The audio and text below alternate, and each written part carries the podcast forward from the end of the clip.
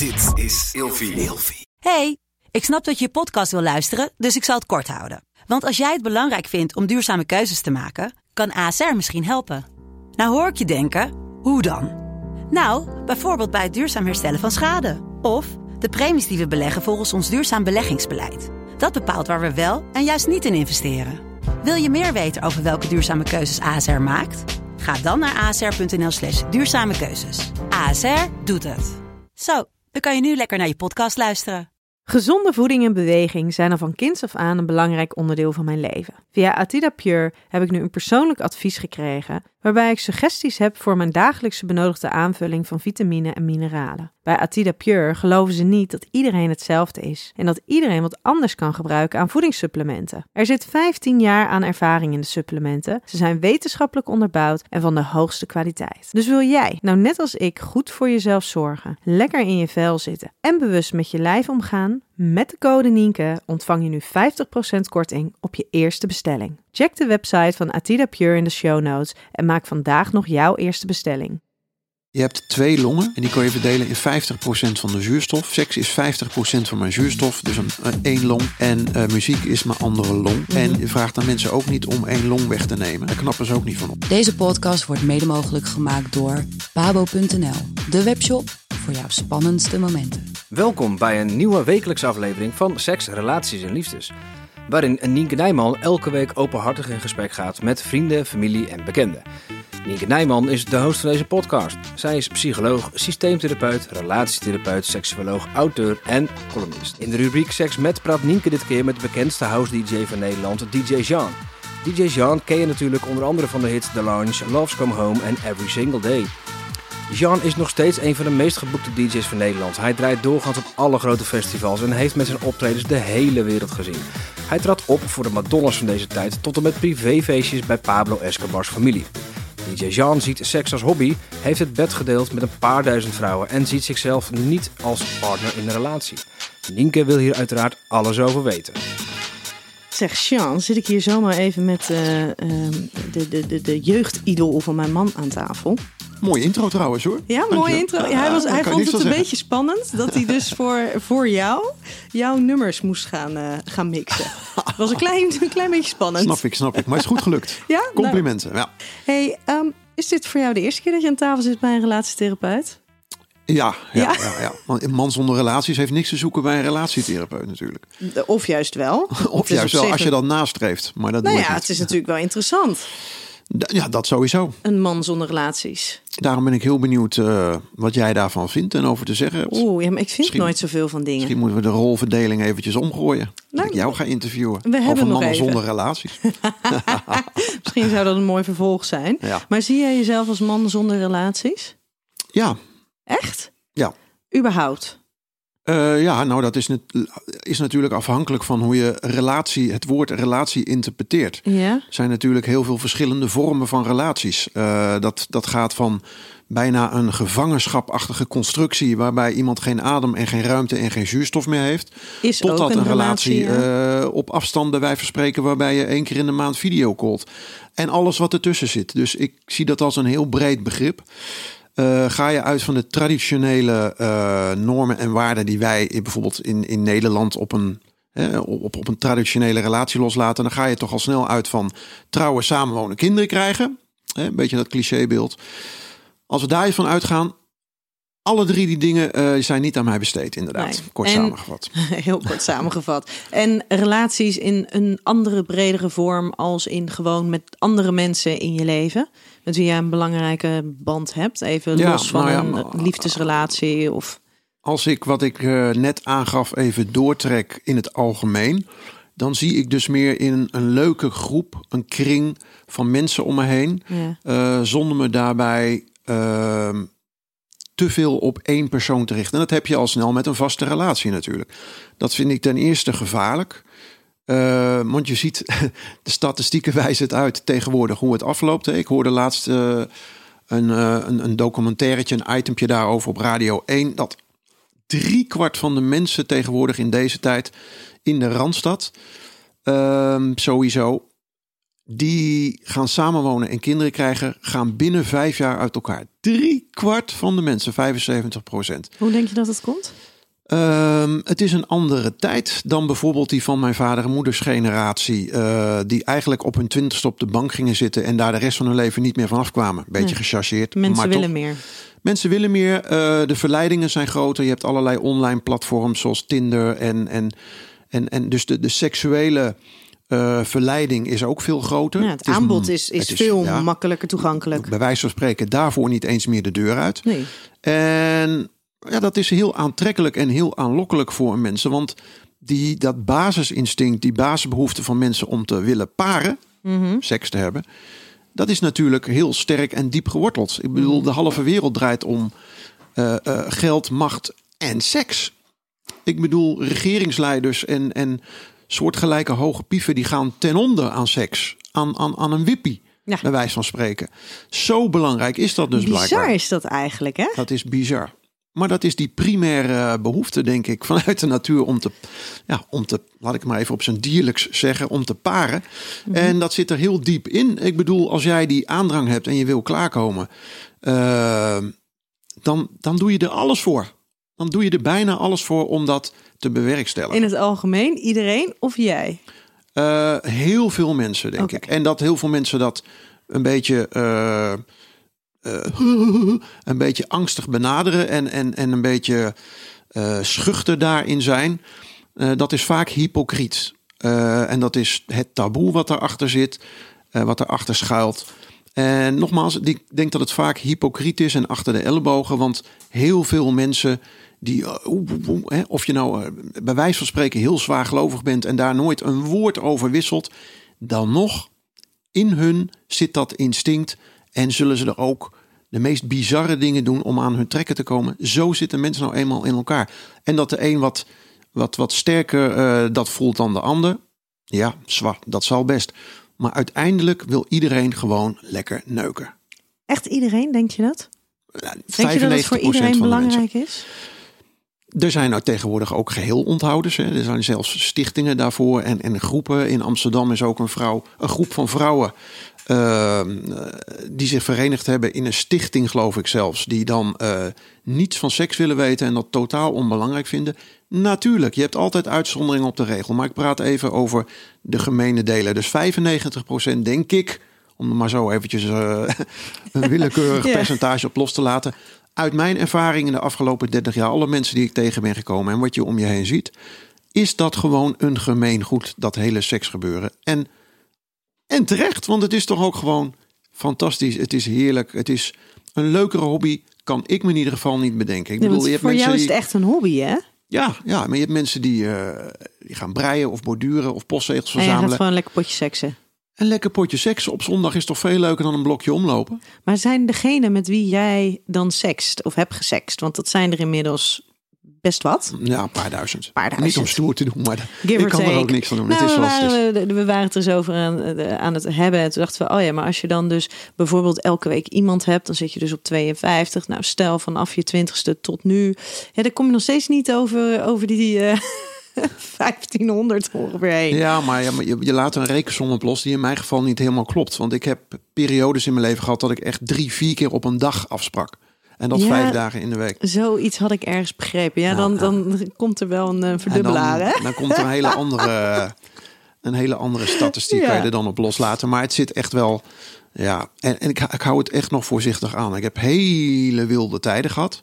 Is nooit heel veel minder geworden hoor. Maar eh, er zijn echt wel periodes geweest dat dat echt eh, uit de hand liep. Dat ik drie, vier keer per dag afsprak. En dat ik echt een schema moest maken, een weekschema. Kwamen ze, ging het wel eens mis? Kwamen ze elkaar wel eens tegen op de gang? Ja, in de lift soms wel eens inderdaad. En, en wisten ze En, allemaal hun positie, zeg maar? Ehm, nou, Hadden ze daar ook wel eens andere ideeën over? Ehm, ik weet dan dat, dat ze elkaar in de lift tegenkwamen. Maar ik weet niet in hoeverre dat, dat dan ook daadwerkelijk eh, dat belletje ging rinkelen bij hun van... Oh, de volgende is in aantocht.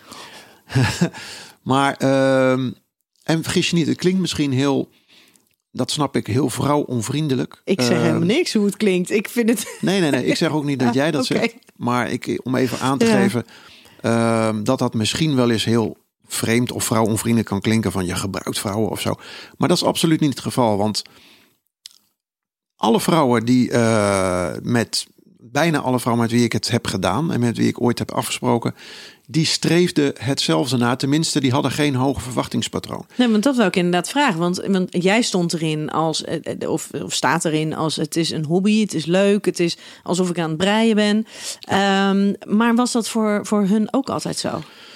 Ja, ik, ik, ik, probeer, ik heb altijd geprobeerd straight to the point te zijn tot op de dag van vandaag. En duidelijk dat er gewoon niet meer in zit dat je niet verliefd moet worden op mij. En dat je niet iets moet nastreven wat, waar ik niet op zit te wachten of waar ik geen zin in heb. Want dan houdt het op. En dat geef ik van tevoren aan.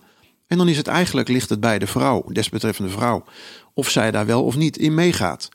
Uh, maar er zit nooit enige vorm van uh, bedriegerij of dwang achter. Ik ben ook altijd eerlijk uh, in dat opzicht. En dan kan er heel weinig misgaan. Ik heb ook met, met, met, 99 van die procent van die vrouwen geen enkele uh, onmin gehad. Of, of ruzie of, of daarover. Ik bedoel, wees gewoon eerlijk, straight to the point. En, en ja, dan, dan weet je allebei waar je aan toe bent. Ja. En ik moet zeggen, tegenwoordig uh, zijn er steeds meer vrouwen die er ook zo over denken. Vroeger was het nog wat minder. Hè, toen zat die vrouwen nog een beetje in hun schulp en uh, hingen ze een beetje aan die mannen nog te veel. En waren ze ook vaak niet onafhankelijk. En, en dat leverde nog wel eens problemen op, waardoor die, die, die balans, die uh, machtsverhouding tussen man en vrouw eigenlijk niet helemaal klopte. En die vrouw eigenlijk een beetje, ja, gedwee aanzag hoe bijvoorbeeld die man altijd vreemd ging. Hè? En dat accepteerde ze dan maar, want ja, als ze dat niet deden, hadden ze geen inkomen en geen huis en geen onderdak. Dus dan was het een andere situatie. Maar tegenwoordig, die vrouwen zijn natuurlijk niet alleen mondiger, meer mans, zijn vaak ook onafhankelijk financieel. En hebben uh, bijvoorbeeld op een medium als Tinder de overhand. Want al die mannen, die, die willen met hun afspreken. Met wat voor vrouw je ook bent, als je er maar een beetje normaal uitziet, dan heb je gewoon 400 likes per dag. Dus nu hebben die vrouwen het in één keer voor het zeggen, bij wijze van spreken. -hmm. En raken die mannen een beetje in paniek. Heeft dat, heeft dat ook in jouw voordeel gewerkt? Die, die, eigenlijk het, het onafhankelijker worden van, van vrouwen? Um, nee, niet per se in mijn voordeel. Voor mij is er niet zoveel veranderd. Maar ik vind het wel mooi om te zien voor die vrouwen. Ja. Dat ze nu uh, wat meer keus hebben en achter hun uh, ding kunnen gaan staan. En hun leven kunnen leiden zoals ze dat misschien ook willen. Door al die nieuwe ontwikkelingen.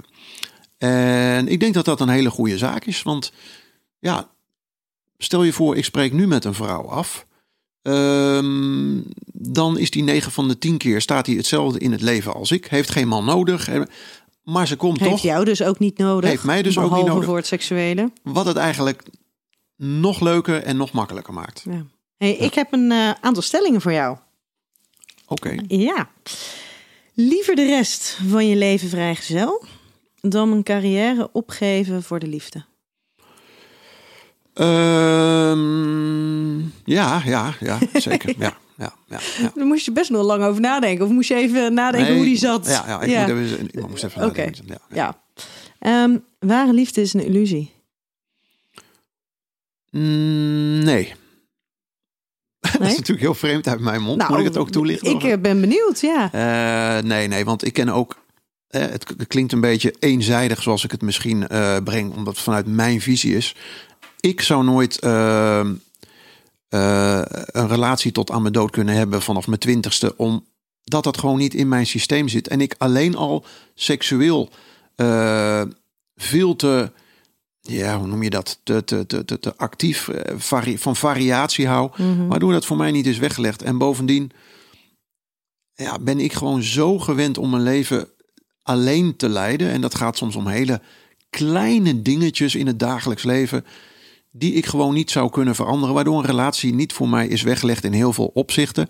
Maar ik kom, om eventjes bij de, bij de stelling terug te komen, heel goed voorstellen uh, dat mensen wel hun hele leven heel gelukkig zijn tot de dood hun scheidt. Ik bedoel, daar is niks mis mee. En als je dat kan, doe vooral je best. Wees vooral gelukkig op die manier. Maar is ware liefde dan alleen de, de, de vorm van liefde waarbij je dus bij elkaar komt en nooit meer uit elkaar gaat. En dat het inderdaad echt tot de dood ons scheidt is. Nou, eh, dat is wel het makkelijkste eh, zoals je dat zou. eh, zoals dat geïnterpreteerd zou moeten worden. Ja, want ik kan me voorstellen dat er ook wel variaties in, in mogen zijn. En dat de ware liefde dus niet voor altijd is, maar wel voor bepaalde periodes in je leven. Nou, dat gaat denk ik meer op voor liefde. Ja? Maar ik denk toch bij een ware liefde, dan denk je aan iemand bij wie je daadwerkelijk eh, tot de dood jullie scheidt, hè, je hele leven bij elkaar blijft. Vandaar dat woordje ware. En liefde, ja, die is natuurlijk een heel vorm. Maar als je uit elkaar gaat, dan was het dus blijkbaar niet je ware liefde. Anders zou je wel tot het einde bij elkaar gebleven zijn. Maar als je op een goede manier uit elkaar gaat, kan je nog steeds liefde voor elkaar voelen. Ehm, dus die liefde die kan er wel zijn. Maar blijkbaar was het dan, denk ik, dan toch niet de ware liefde. Anders zou je niet uit elkaar gegaan zijn. Maar kan je dan, is ware liefde alleen als je ook daadwerkelijk bij elkaar bent? Want ik kan me ook wel voorstellen dat je ehm, door wat voor omstandigheden ook wel bij elkaar zou willen zijn, maar dat niet kan. Ja, dat, En dat het nog steeds om ware liefde kan gaan. Maar waarom zou dat niet kunnen? Nou ja, er kunnen verschillende dingen zijn. Het kan zijn dat er kinderen in het spel zijn, dat er ziekte in het spel is, dat er, dat er leven in andere landen, dat soort dingen. Andere ja, complexe. dan moet je inderdaad dat soort excessen erbij gaan halen. In leven in andere landen. Maar laten we zeggen, in normale omstandigheden denk ik dat een ware liefde iemand is bij wie je altijd. eh, met wie je altijd samen bent of blijft. En als dat door, dan door, ja, door jou aangegeven praktische zaken niet kan, ja, dan zijn dat inderdaad uitzonderingsgevallen. Maar ik denk de interpretatie, de, de uitleg van ware liefde is ja, als je hele leven eh, bij elkaar bent of blijft en een, een, een eh, intensieve eh, verhouding onderhoudt. Ja, want niet iedereen die een leven lang bij elkaar blijft, ehm, heeft ook daadwerkelijk dat concept van ware liefde. Nee, nee, dat is weer een, dat is een omgekeerd evenredig verhaal inderdaad. Nee, Ja. nee, niet iedereen die bij elkaar mensen, Heel vaak blijven mensen natuurlijk bij elkaar uit, eh, uit gewoonte. eh, uit financieel oogpunt. Onderschat dat ook niet. Hè, wat ik net al aangaf. eh, dat heel veel mensen bang zijn om op straat te komen wonen. En die hebben vaak soms, wat ik zie, tientallen jaren nodig om tot dat punt te komen van nou, ik zit liever op een appartementje in mijn eentje van 30 vierkante meter of op een camping. dan dat ik nog langer de rest van mijn leven uitzit eh, met deze persoon. Ja. Omdat ze het gewoon op is. De koek is dan op. Maar ze kunnen niet tot die stad eh, stap komen vanwege of kinderen of financiële zaken. En ja, dat, dat speelt gewoon heel vaak heel erg mee. Ik denk dat anders het scheidingspercentage en de mensen die uit elkaar gaan nog veel hoger zou liggen zelfs. Dan dat het nu al is. Dus het wordt een beetje, het wordt een beetje verheerlijkt dat, dat, eh, dat samenwonen en dat met elkaar gaan en een relatie hebben. Eh, in heel veel gevallen denk ik, omdat wel blijkt uit de statistieken hoeveel mensen er uit elkaar gaan, dat het niet per definitie gemeen goed is. Nee. En dat mensen eigenlijk, denk ik, wat langer na zouden moeten denken voordat ze zulke belangrijke en grote stappen in hun leven nemen. En datzelfde geldt voor kinderen nemen. Want vaak zijn de gevolgen niet te overzien, voor die kinderen niet en voor die relatie niet. En dan denk ik bij mezelf, ja, neem niet na twee jaar samenwonen al een kind, weet je wel. Kijk eerst eens even op lange termijn hoe dat gaat en kijk de kat uit de boom. En ja, neem dan een wijselijk besluit, wel of niet. Dan heb je in ieder geval een grotere kans van slagen. en dat zeg ik dan is iemand die geen enkele relatie heeft. Ja, maar dus eigenlijk ben jij heel verstandig in jouw een soort van besluit, standpunt om geen relaties aan te gaan. Dat is heel wel overwogen, ja. ja, Ja. Ik sta ook 100% achter mijn zaak. Vandaar denk ik ook dat ik zo zielsgelukkig ben. Want ik heb ook nooit getwijfeld over mijn standpunten. Ik heb altijd gezegd, eh, ik neem geen kinderen. De belangrijkste reden. Eén is omdat ik de verantwoordelijkheid niet aan kan met het leven wat ik leid. Nou, ik ga geen kind opvoeden als ik drie nachten in de week knalbezopen thuis kom. Eh, ik zie dat niet. Ik zie dat. Laat ik het liever aan andere mensen over. Dus e- één, ik kan die verantwoordelijkheid niet aan. Twee, ehm, ik weet dat ik een, om dezelfde reden een relatie niet kan onderhouden. Ik zit gewoon in dat nachtleven. Ik ben een beetje gek. Ik ben rebels. En het past gewoon niet in mijn leven en mijn situatie. Dus begin ik er niet aan. En dat heb ik al heel snel op hele jonge leeftijd. Had ik dat in de gaten. En ik ben daar nooit van afgeweken. En ik weet niet of het dat is, maar ik ben wel zielsgelukkig met die keuze die ik toen gemaakt heb. En, en ik heb nooit getwijfeld, ben daar nooit van afgeweken. Ik sta 100% achter mijn leven en mijn levenswijze. Die wijkt af van wat regulier en normaal is. Maar ik ben er zielsgelukkig mee en ik zou niets anders willen. Ja. En over dat leven, hè? Ehm, de volgende stelling. DJ's hebben een seksappeal. Uh, seksappeal. nou ja, uh, het is natuurlijk algemeen bekend dat mensen die in de belangstelling staan, of je nou een rockster bent, een popster of iemand die in de media uh, een hotshot is, ja, die lijn kun je doortrekken naar DJ's. Het is een soort van uh, magische aantrekkingskracht die je als bekend persoon vaak hebt op het andere geslacht. En voor DJ's geldt dat misschien nog wel wat meer. Waarom? Dat zou ik niet durven zeggen. Misschien omdat het fenomeen DJ tegenwoordig zo aanspreekt en iedereen het wil zijn of wil worden. Of iedereen wel iemand kent die het wil zijn of wil worden. Mijn bekende uitspraak van mij: meer DJ's als werklozen tegenwoordig. Dus heel veel mensen streven dat na. Uh, jongeren ook. En ja, het is, het is bijna, bijna boven een popsterrenstatus uitgestegen. En dat is heel interessant, blijkbaar. Ja, als je geen DJ was geweest, had je dan ook zoveel bedpartners gehad? Um, waarschijnlijk niet, want ik uh, ben geen Brad Pitt. Uh, ik ben ook geen Leonardo DiCaprio. Maar dat is Mick Jagger ook niet. Dus ja, en, en, en de zanger van, uh, van, van Aerosmith, met, die, met die paardenbek, ja. ja. die zit ook een beetje op mijn, mijn niveau. 2.000, 3.000 vrouwen, geloof ik. Ehm, dus het gaat er. Ehm, des te bekender je bent, des te minder gaat het om, om je looks. Uh, dus ongetwijfeld zal ik dan misschien, uh, ja, zou ik misschien wel gewild hebben. Uh, dat leven wat ik nu leid. Maar was het wat minder makkelijk uh, en wat minder voortvarend gegaan als ik Jan de Putjeschepper was geweest. Dat, dat had me frustrerend geleken voor je. Als je dus wel ja, het zou willen. Ja, ja, ja. En dat, dat, dat, dat, nou ja, dat eigenlijk ja. het aanbod niet zo groot zou zijn als dat het nou, nu ja. is. Maar goed, dat is als, als, als. Als, Alle als, als. puzzelstukjes vielen op zijn plaats. En toeval bestaat niet. Uh, dus het is zo gelopen en alles klopt. En uh, nogmaals, ik, ik ben super blij dat het zo gelopen is. En ik voel me in alle opzichten en ook in dat opzicht seksueel een heel bevoorrecht mens daarom. Volgende stelling. Intimiteit en seksualiteit zijn voor mij hetzelfde. Uh, nee, nee, nee, nee, nee. Kan wel samengaan, natuurlijk. Voor heel veel mensen is dat het geval. He, zien seksuele, hun seksuele relatie als heel intiem. Ja, eh, zoals duidelijk mag zijn, seks zie ik meer als een, een, een, een primitief uh, dierlijk gebeuren. En dan beleef ik er het meeste plezier aan. Dus echt als vanuit die opwinding Ja, en vanuit lust. opwinding, ja, pure passie en lust. Uh, dat is zoals ik seks op zijn best beleef.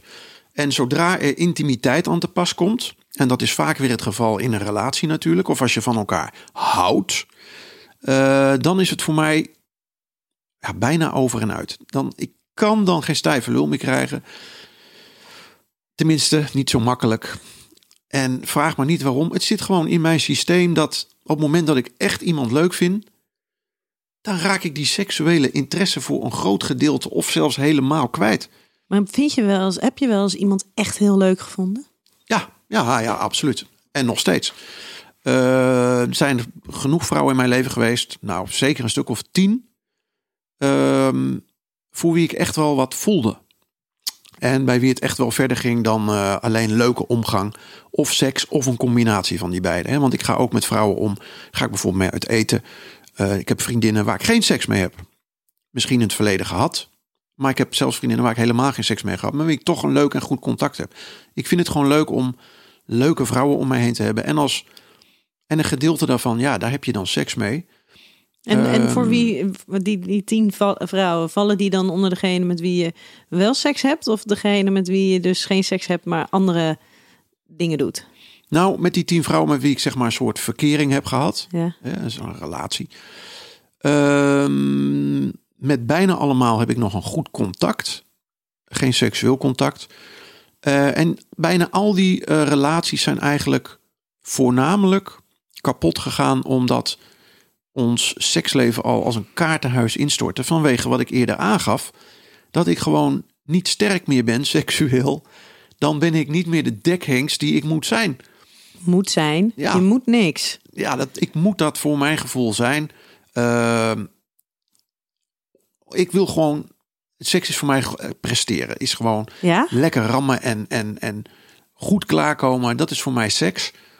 En dat intieme gedeelte is voor mij niet zo belangrijk. Ik vind het leuk om met een vrouw te knuffelen.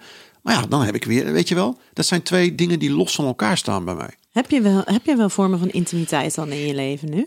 Ehm, ja, toevallig wel. Ook Oh, toevallig? ja, ja, nou, toevallig vertel. of niet? Nou ja, eh, daar kan ik heel kort over zijn. Eh, ik heb nu iemand met wie ik ook heel leuk omga. eh, en ook nog seks heb. Doe maar. Ehm, alleen, ja, nogmaals, ik blijf wel eh, bij mijn standpunt dat mijn seks is het beste als ik iemand, als ik geen, niet heel veel voor eh, die persoon eh, voel. Nee, anders gezegd, als ik er geen relatie mee heb. Dus als het gewoon een minnaar-minnares constructie is, daar word ik seksueel het blijste van. En dan, dan kan ik dat bij wijze van spreken ook 10, 15 jaar volhouden. Ik bedoel, ik heb minnaressen soms al 10, 15, 20 jaar. Die ik dan één keer in de week, twee weken, drie weken, vier weken zie. Ehm, Twintig jaar lang, één keer in de week. Dat is nog vrij veel. ja, Tenminste, vind, vind ik. Ik vind wat. Ja, dat Ja, vind ja, ik. ja, ja. Maar dat, dat, dat is gewoon zoals het is. En eh, dat gaat eigenlijk prima. Ja. Ja. ja. Dus ik heb daar een bepaalde modus in gevonden die nogmaals heel ongebruikelijk is. eh, maar die voor mij uitstekend werkt. En voor degene met wie ik omga ook. Heb je het idee dat je je daar veel voor moet verklaren? Voor de manier waarop jij jouw seksualiteit kleurt? Ja, natuurlijk. Omdat Ja? het afwijkend is. En alles wat afwijkt en niet eh, tot de grijze massa behoort, dat moet je natuurlijk uitleggen. Maar tegenwoordig ehm, komen we er telkens meer achter dat het, het, het misschien wel het grootste gedeelte van seksualiteit niet voldoet aan, aan wat we in onze samenleving als de norm zien. Ja, dat, er is wel een eh, kerend sentiment in dat opzicht, inderdaad. Het valt mij ook op. En dat is alleen maar goed, denk ik. Want niet meer blijven hangen in die, in die oude normen en waarden. Waarbij eigenlijk maar één constructie mogelijk is. Hè? Traditionele constructie. Dus ik denk dat het goed is dat, ehm, dat er nu voortschrijdend inzicht is. En dat steeds meer mensen gaan bedenken: wacht eens even. Ja, moet, nou, moet je nou daadwerkelijk per se die seks hebben binnen een relatie? En is dat nou alleen algemeen geaccepteerd? Ik ben blij dat, dat er nu ook een soort van acceptatie komt voor andere constructies. Waarbij je ook seks kunt hebben en met iemand om kunt gaan. Zonder dat je daarbij meteen in een eh, relatie verzandt eh, of terechtkomt. En eh, dat is al volop gaande volgens mij. Mede door, door, door de online wereld, sociale media wereld. Is dat een stuk makkelijker geworden. En ja, langzaam maar zeker wordt dat ook meer sociaal eh, geaccepteerd. En je kan je, af, je, kan je afvragen, eh, zeg ik wel eens. Al die mensen die in de afgelopen jaren, tientallen jaren tegen mij zeiden. met hun traditionele relaties. Ja, wordt het niet is tijd dat? Wordt het niet is tijd dat? En wat bedoelen ze met dat? Dat ik aan hun beeld ga voldoen. Dat je dus een relatie, relatie ga krijgen Ja. dat ik kinderen ga krijgen.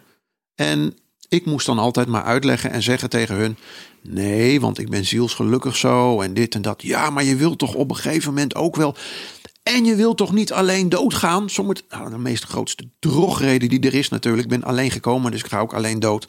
En hoeveel mensen zijn er niet met kinderen, eh, waarvan hun kinderen niet eens meer op bezoek komen in het bejaardenhuis als ze 85 zijn? En of Dus een een- partner verliezen en En hun partner alleen verliezen. Dus wat een drogreden is dat, dat eh, alleen eh, doodgaan en, en oud worden. Nee, dus ik heb altijd dat aan die mensen uit moeten leggen. Ik ben op deze manier gelukkig en ik sta achter het leven wat ik leid. En raad is wat. Ik zeg niet dat ik de wijsheid in pacht heb. Maar diezelfde mensen, diezelfde mensen die ik nu 10, 20, 30 jaar later tegenkom. Allemaal gescheiden. Allemaal problemen.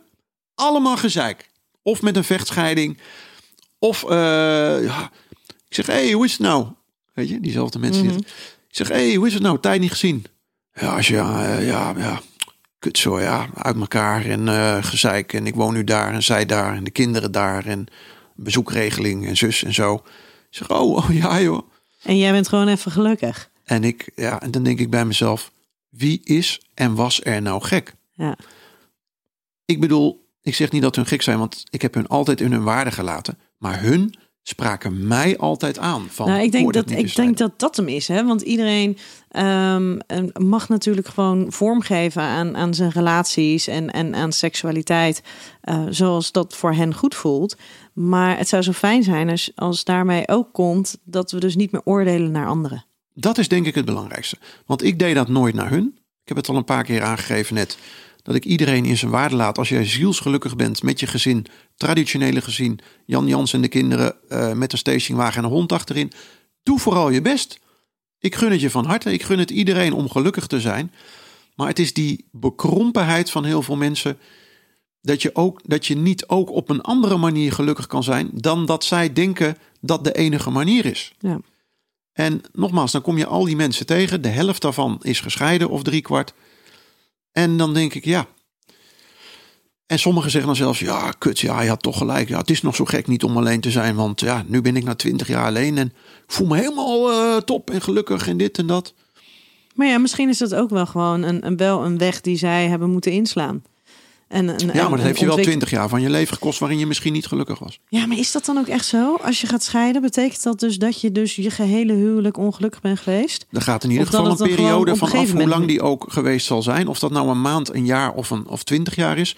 Er gaat in ieder geval een periode aan af waarop dat is ingezet. Anders zouden ze niet gaan scheiden. Nee. Dus dat is of een week daarvoor geweest, maar dat is niet waarschijnlijk. Want je gaat niet na twintig jaar dan is huwelijk de en je scheiding wel heel erg kortzichtig in één keer. Dus Ja. waarschijnlijk is mijn eh, beleving dan, is dat een proces van jaren. Waarin er steeds dingen cumulatief hè, eh, opgestapeld worden. eh, en dingen zich opvolgen en er misschien wrijving en irritatie ontstaat na een x aantal jaren of na een x aantal maanden. Maar het, het bouwt zich wel op, want anders kom je op een gegeven moment niet tot die uitbarsting en die beslissing. Maar Want misschien voor het gemak zou je denken van nou, dan zit je die laatste tien jaar of twintig jaar ook nog wel uit. Maar dat doen die mensen dus blijkbaar in heel veel gevallen niet. Dus blijkbaar loopt, het zo hoog op van binnen dat ze toch denken, ik houd voor gezien. Ja, maar en, en wat je net zei, dat dus zeker in de Randstad... dat er eh eh driekwart van de mensen die samen zijn... gezinnen krijgen binnen vijf jaar weer uit elkaar gaan. Daar zit dus iets anders, want die zijn dus niet twintig jaar bij elkaar. Ehm, daar zie je juist dat mensen veel minder snel genoegen nemen met de situatie... en veel sneller zeggen van ja, maar dit is dus niet Ja. wat ik wil. En dat vind ik ook wel een hele spannende hoor. Dat is een opmerkelijke ontwikkeling Ja, inderdaad. maar dat vind ik ook wel een hele spannende. Want als je kijkt naar dan wel het concept van ware liefde, dan wel over gewoon over een goede relatie.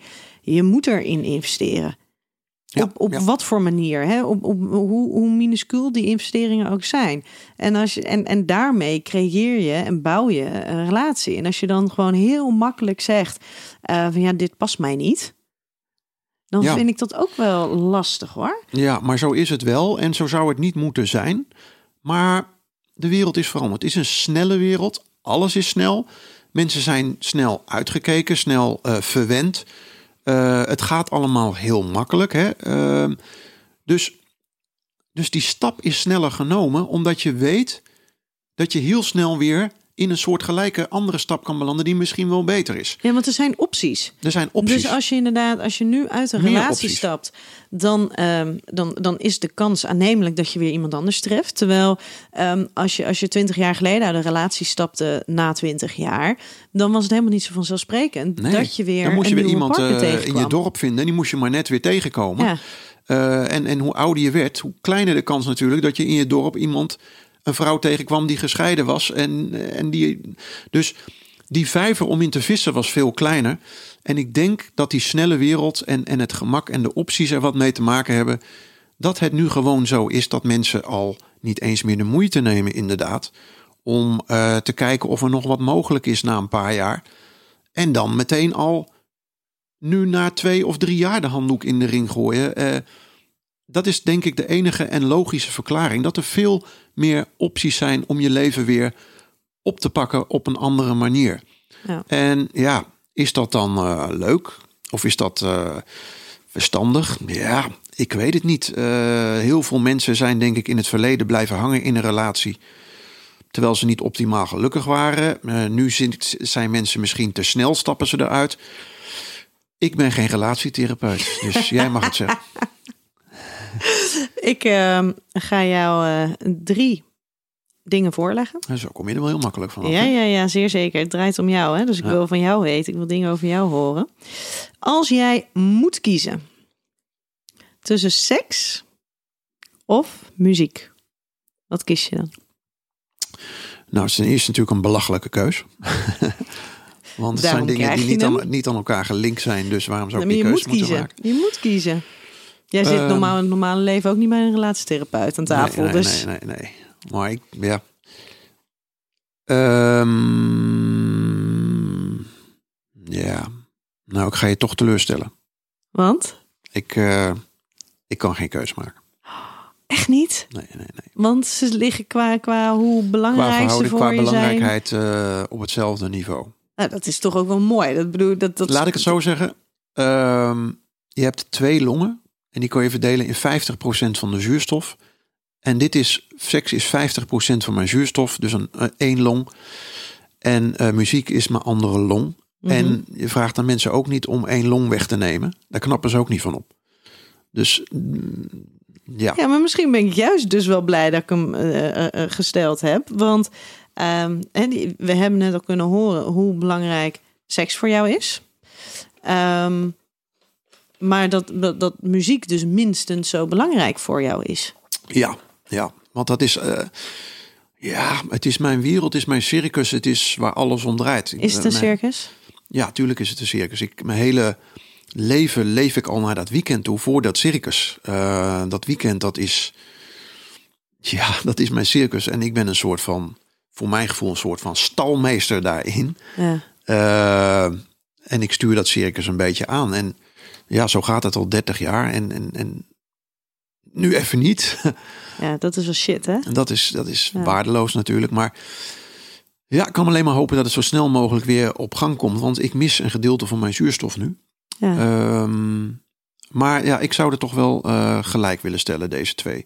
Eerste levensbehoeftes voor mij. ja. Ja, ja. Oh, ik ben deze week heel benieuwd. Nooit meer een orgasme of nooit meer seks? Nooit meer een orgasme of nooit meer seks. Eh, jezus. Je hebt wel, het venijn zit hem in de staart, hè? Merk ik. Nooit meer een orgasme. Lekker laten opwarmen en dan... Dat is, ook, dat is bijna een beetje een filosofische. Eens even denken. Ehm nooit meer orgasme of nooit meer seks. Jeetje, mineetje. Ja, wat zal ik daar nou eens van zeggen? Of nooit meer seks. Ehm, nou, laat ik eens zeggen. ehm,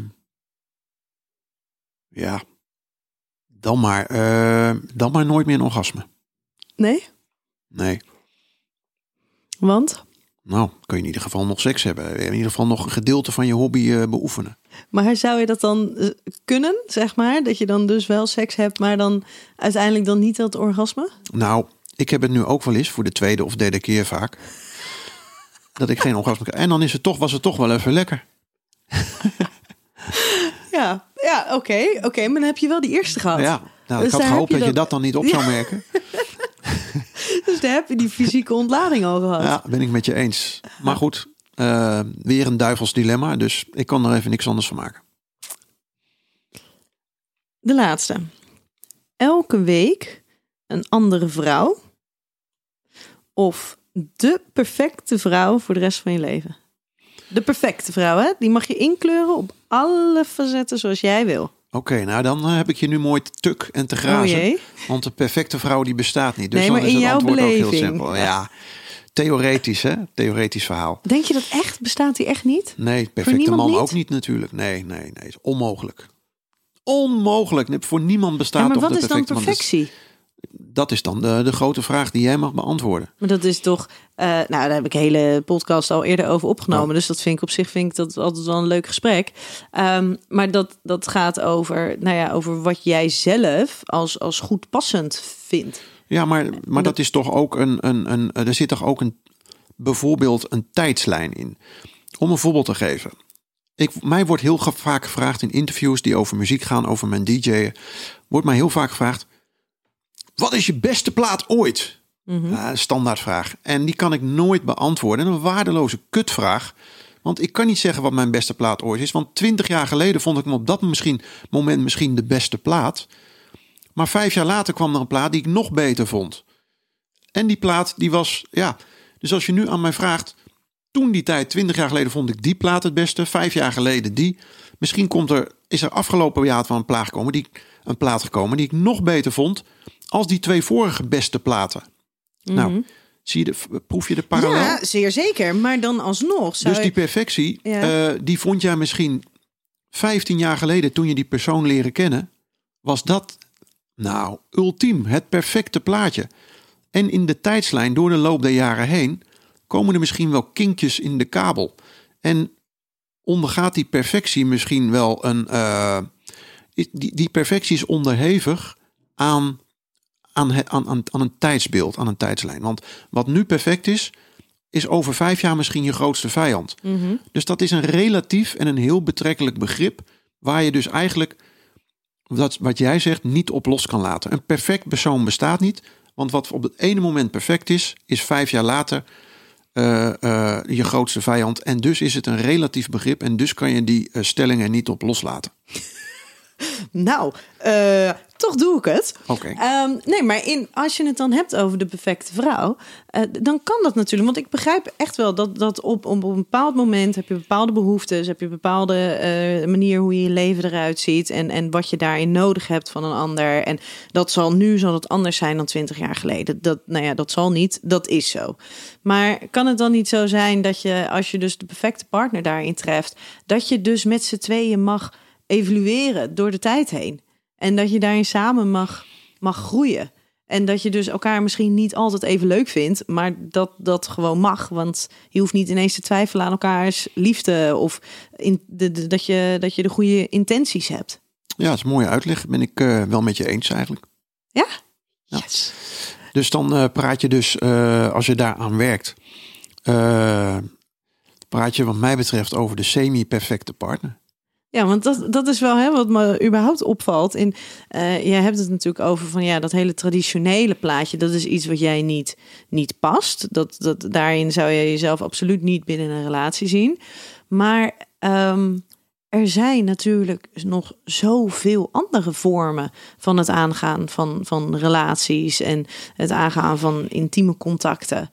En als je dan eens teruggaat naar het stukje waar we mee begonnen, dat jij de man zonder relaties bent. En dat je toch bij de relatietherapeut aan tafel zit. Ben jij dan een man zonder relaties? Of heb jij wel degelijk verschillende vormen van relaties met, met ook vrouwen om jou heen? Ja, Want Ja, als ja, jij ja. al twintig jaar lang eenzelfde minnares hebt. En in de ene periode, de ene levensfase zal het wat ja frequenter zijn dan er de eens een ander. paar weg. eh, die gaan trouwen, samenwonen en dan komt er weer eentje bij. En Precies. Maar als jij, als jij twintig jaar lang al contact hebt, en, en ook al is het alleen maar seksueel contact, dan ga je toch een bepaalde relatie met iemand aan. Klopt, ja, heb je al gelijk in. Ehm, maar er is een nuanceverschil in hoe je dat benoemt. Ehm, en dat nuanceverschil zit hem in het bijwoord, in het bijvoeglijk naamwoord. Dat is namelijk traditionele relatie. Oké, Zoals mensen dat, eh, zoals mensen dat zien. Ehm, dat plaatje, daar voldoe ik niet aan en, en kan ik niet aan voldoen. Maar inderdaad, ik heb wel degelijk vormen van relaties. Dus in dat opzicht eh, is het een kwestie van hoe je het benoemt en is, die, is het die nuance eigenlijk. En kan ik me Eh, ook misschien wel voorstellen dat de vormen van relaties, behalve dan dat jij gewoon open kaart speelt en heel duidelijk bent in je verwachtingen, of wat zij van jou kunnen verwachten, dat het hebben van zo'n diversiteit aan relaties misschien soms nog wel complexer is dan het hebben van één traditionele relatie. Zeker in de praktijk is dat zeker het geval. In de logistieke planning. Uh, maar ook in andere opzichten, inderdaad. Ik begrijp wat je bedoelt. Uh, maar het geeft ook wel een bepaalde uh, relaxedheid. Omdat je niet bang hoeft te zijn dat je ene partner wegvalt. Heel veel mensen zijn daar natuurlijk heel angstig voor. Want dan klapt hun leven in elkaar. Vaak, ik zeg niet altijd, maar hebben ze daarvoor vrienden en vriendinnen in de steek gelaten. En in heel veel gevallen concentreert het zich heel vaak uh, op die ene persoon. En dat is een beetje waar hun leven dan om draait. Hè? Wel of niet met kinderen. En als die persoon dan wegvalt, hebben ze toch, eh, als het ongewild is, een probleem. Want dan ontstaat er een enorme leegte als je dat 10 of 20 jaar gewend bent. Bij mij ontstaat er geen leegte, want ik heb backup om op te vangen. Want met heel veel eh, eh, vriendinnen, trouwens ook met vrienden, daar heb ik dan weer geen seks mee, maar goed. Met vriendinnen heb ik ook een, onderhoud ik ook een leuke relatie. In een andere vorm weliswaar, maar het is een leuke omgang. Je doet eigenlijk dezelfde dingen die je met, met je vrouw of met je vaste vriendin ook doet. Uit eten gaan, naar de bioscoop, noem het allemaal op. Alleen dan zonder, laat ik het even oneerbiedig zeggen, zonder het gezeik. Dus wel de lusten, maar niet de lasten.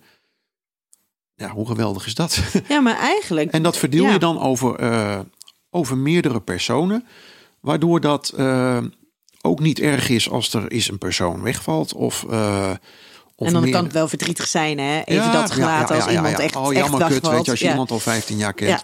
Maar er is geen man overboord zo snel. En ehm, Nee, je bent er niet afhankelijk van. je bent er niet afhankelijk van. En het is, ja, nogmaals, ik heb veel liever, en dat is denk ik gewoon zoals het kort samengevat is, een leuke groep van mensen om me heen, zowel mannen als vrouwen. En in het geval van vrouwen wel of niet met seks. Ehm, dat werkt bij mij het beste en daar word ik het gelukkigst van, omdat ik dan ook elke keer weer gesprekstof heb. Ja, maar eigenlijk, wat jij dus eigenlijk doet, is. je- Jij gaat dus eigenlijk. ehm, Ik verdeel mijn aandacht. nou ja, en, en daarmee ga je dus eigenlijk veel meer terug naar het, het oude traditionele ehm, huwelijksmodel. En dat is namelijk dat een huwelijk dient voor financiële zekerheid, een stukje voortplanting. Man verdient geld, vrouw zorgt voor de kinderen. Ja. Die twee dingen. Maar wil jij een goed gesprek? Wil jij op avontuur? Wil je een goed avondje eh, seks hebben? Wil je een avondje lachen? Dan ga je naar andere mensen toe. Dan ga je naar andere mensen uit dat dorp. En daarmee ehm, voorzie je dus in jouw behoeften door een appel te doen op een heel dorp. Ja. En dat is eigenlijk wat jij ook een beetje doet. Alle behoeften die jij hebt, Ik omzeil alleen de traditie. Ja, en, en, en daarin, wat dus wel weer, dat, dat spreekt dan wel weer voor je en is ook wel heel gezond, is wat je vaak ziet in, in inderdaad in zo'n wat traditioneler eh, hedendaagse relatie, is dat we te afhankelijk worden van onze partner. En we houden onze partner verantwoordelijk voor te veel dingen, voor het vervullen van on- al onze behoeftes, terwijl dat eigenlijk helemaal niet kan. Je bent gewoon je eigen autonome persoon en je moet voorzien in je eigen behoeftes. En dat mag met vrienden, met ouders, met wie dan Ja, ook. ja, ja. En vervolgens kom je thuis samen nou, voor datgene wat je elkaar ook daadwerkelijk kan Bieden, geven ja. en bieden. Ja, ik had het niet beter kunnen verwoorden. Eh, dat is in een notendop eh, zoals ik erin sta eigenlijk. Ehm, en zoals jij het net vertelt, dat is eigenlijk precies zoals het is. Ik eh, heb een breed scala aan mensen. eh vind dat interessant om met meerdere mensen om te gaan op dezelfde manier. En een relatie past daar niet in, in de traditionele van, eh, zin van het woord. En die omzeil ik dus. Eh, ik elimineer eigenlijk dat element wat daarin een storende factor voor mij eh, zou zijn en zou kunnen zijn. Ehm, En dan wat, wat voor jou storend kan zijn, is eigenlijk verantwoording afleggen. precies. En dat er verwachtingen zijn naar jou toe. Ja. Ja. Niemand kan tegen mij nu zeggen: Ja, je was gisteren daar. Voor wat voor reden dan ook. Niemand kan dat tegen mij zeggen, want ik bepaal zelf wat ik doe en waar ik toe ga. En ik hoef geen verantwoording af te leggen. En daar heb ik een hekel aan. Ik begrijp dat dat in een relatie gebruikelijk is en daar is ook niets mis mee. Maar voor mij werkt dat niet, want ik ben heel erg vanaf jongs af aan al. eh, misschien omdat ik enig kind ben, midden in het bos opgegroeid. eh, ik ben heel erg op mezelf. Ja, want Ik, daar, ik, ik, ben, blij ben dat het je dit, liefst alleen. Ik ben blij Eh, dat je dit brugje slaat, want ik wilde al aan jou even vragen, goh, maar hoe, hoe jong was jij dan dat jij dit gevoel kreeg? Eh, bizar, jong. Echt al op mijn achtste of zo. Toen vroegen mijn vader en moeder aan mij of ik nog een broertje of zusje erbij wilde hebben. Ze hebben gewacht tot ik, tot zij dachten dat ik een beslissing kon nemen op een leeftijd dat ik dat wel of niet leuk zou gaan vinden. Nou ja, denk, ik weet het niet hoor, maar ik denk dat 90% van de kinderen zou zeggen: ja, neem een broertje. Zusje." Nou, ik zei eh, vol overtuiging nee. En dat is er ook nooit van gekomen. Ik was toen al graag eh, alleen spelen op mijn kamer en eh, ja, Volgens was ik ook wel heel veel buiten spelen met mijn vriendjes en zo. Maar altijd op het moment dat dat nodig, of op het moment dat ik dat wilde, eh, mezelf weer terugtrekken tot mezelf, bij mezelf. Ehm, en dat is altijd zo geweest en gebleven. Ik ben gewoon een Einzelganger, niet te verwarren met een egoïst hoor. Ik ben totaal niet egoïstisch. Eh, ik bedoel, ik gun iedereen en mensen om me heen eh, alles, ook van mij. En eh, ik trakteer altijd. En ik ben absoluut niet. ik ben Maar je niet bent graag op sociaal. Je Dus ik bent denk wel dat ik, graag op jezelf. ja, ik ben sociaal en niet egoïstisch. Desalniettemin ben ik heel erg op mezelf en een echte Einzelganger. Omdat ik gewoon, ja, nog een voorbeeld te noemen. Eh, super kinderachtig wat ik nu ga zeggen. Maar waarom ik ook geen relatie zou kunnen hebben. Ik vind het heerlijk om bepaalde zenders te kijken op tv. Buitenlandse zenders. Kijk geen Nederlandse tv. Maar ik volg bijvoorbeeld Discovery Science. eh, vind het leuk om allerlei dingen te... wetenschappelijke dingen eh, te volgen op de voet. En daarvoor kijk ik naar bepaalde zenders. Nou, voor mij is het super belangrijk als ik thuis ben, op bed lig. Kijk altijd vanuit mijn bed tv. Dat ik ten alle tijden, al is het vijf uur achter elkaar, die dingen kan kijken. Ehm, en dat ik niet moet denken van, oh, is het niet een beetje raar dat ik vier uur tv zit te kijken, weet je wel. En eh, dat soort programma's, die, die natuurlijk geen enkele vrouw wil zien, bij wijze van spreken. Nou, dat is voor mij super belangrijk, zoiets. En alleen daarom al zou ik geen iemand hebben die in mijn huis woont. Want dan moet ik dus rekening gaan houden met waar ik naar kijk op tv en zo. Dat zou mij zo gaan storen in het dagelijks leven, dan zou ik gek worden. Ik denk dan, maar er zijn toch ook vrouwen die dat prima vinden. En Nou ja, dan kijken nou, ze ik weet het mee. niet, maar, eh, maar, ik zou me opgelaten voelen. Ja. Zo erg, zo- graag wil maar ik zit mijn daar dan eigen gang weer, gaan. ja, precies. Maar zit daar dan misschien dan weer, ehm, zeg maar, de, de- het conflict tussen aan de ene kant het, de Einzelganger zijn, maar aan de andere kant heel sociaal zijn. Dus als je er dan wel bent, dan Ja, moet daar ja. wel rekening gehouden Ja, ja, worden ik met denk je. inderdaad dat ik wel... Dus dan kan je niet egoïstisch. voldoen. Dan kan je niet egoïstisch zijn. Nee. Nee, Dan kan je niet denken van ja, maar ik heb dit nu nodig, dit, dus ik ga dit nu doen. nee, exact. En nogmaals, ik, ik wil altijd wel aan... eh, dat vind ik soms als lastig, aan een, aan een bepaalde verwachting voldoen. Of een plaatje. Ehm, hetzelfde als dat, stel je voor, ik spreek met eh, eh, een nieuwe vrouw of een nieuw meisje. Ja, die verwachten dan toch hè, eh, dat de muziek thuis aanstaat. Oh, DJ zal wel muziek. dus die staan al mijn hele leven raar te kijken. Als ik dan geen muziek op heb. Ik heb nooit muziek op thuis. Interesseert me geen flikker. Ik heb sta de, de hele weekend sta ik in die house. En dan is het op zijn plaats. Maar ik heb in de auto en thuis nooit muziek aan. Ik luister geen muziek. Vind ik niet leuk. Als DJ, ik moet je nagaan dat je niet leuk van muziek te luisteren. Ik vind het geweldig om het te draaien. Echt. Ja, dit is echt. Dan zou ik een beetje als seksuoloog zijn en niet van seks houden. Bijvoorbeeld, ja. Bijvoorbeeld. Nee, dus nee, ik, ik vind een, goede plaat geweldig. Maar op het moment dat ik hem draai. Maar om te luisteren muziek eh, vind ik helemaal niet zo leuk eigenlijk. Dus ja, wat doe ik dan? Zet ik thuis toch muziek op? Want ja, dus, Maar dat is helemaal niet chill dan voor jou. nee. Dus voor jou hebt toch wel muziekje, en dat. Nou ja, zet ik maar muziekje op. En eh, dus ik probeer altijd toch wel. Ja, er is een bepaald verwachtingspatroon, soms. En probeer ik daar toch ook wel weer aan te voldoen, weet je wel. En probeer het soms ook een beetje gekker te doen als dat ik eigenlijk ben.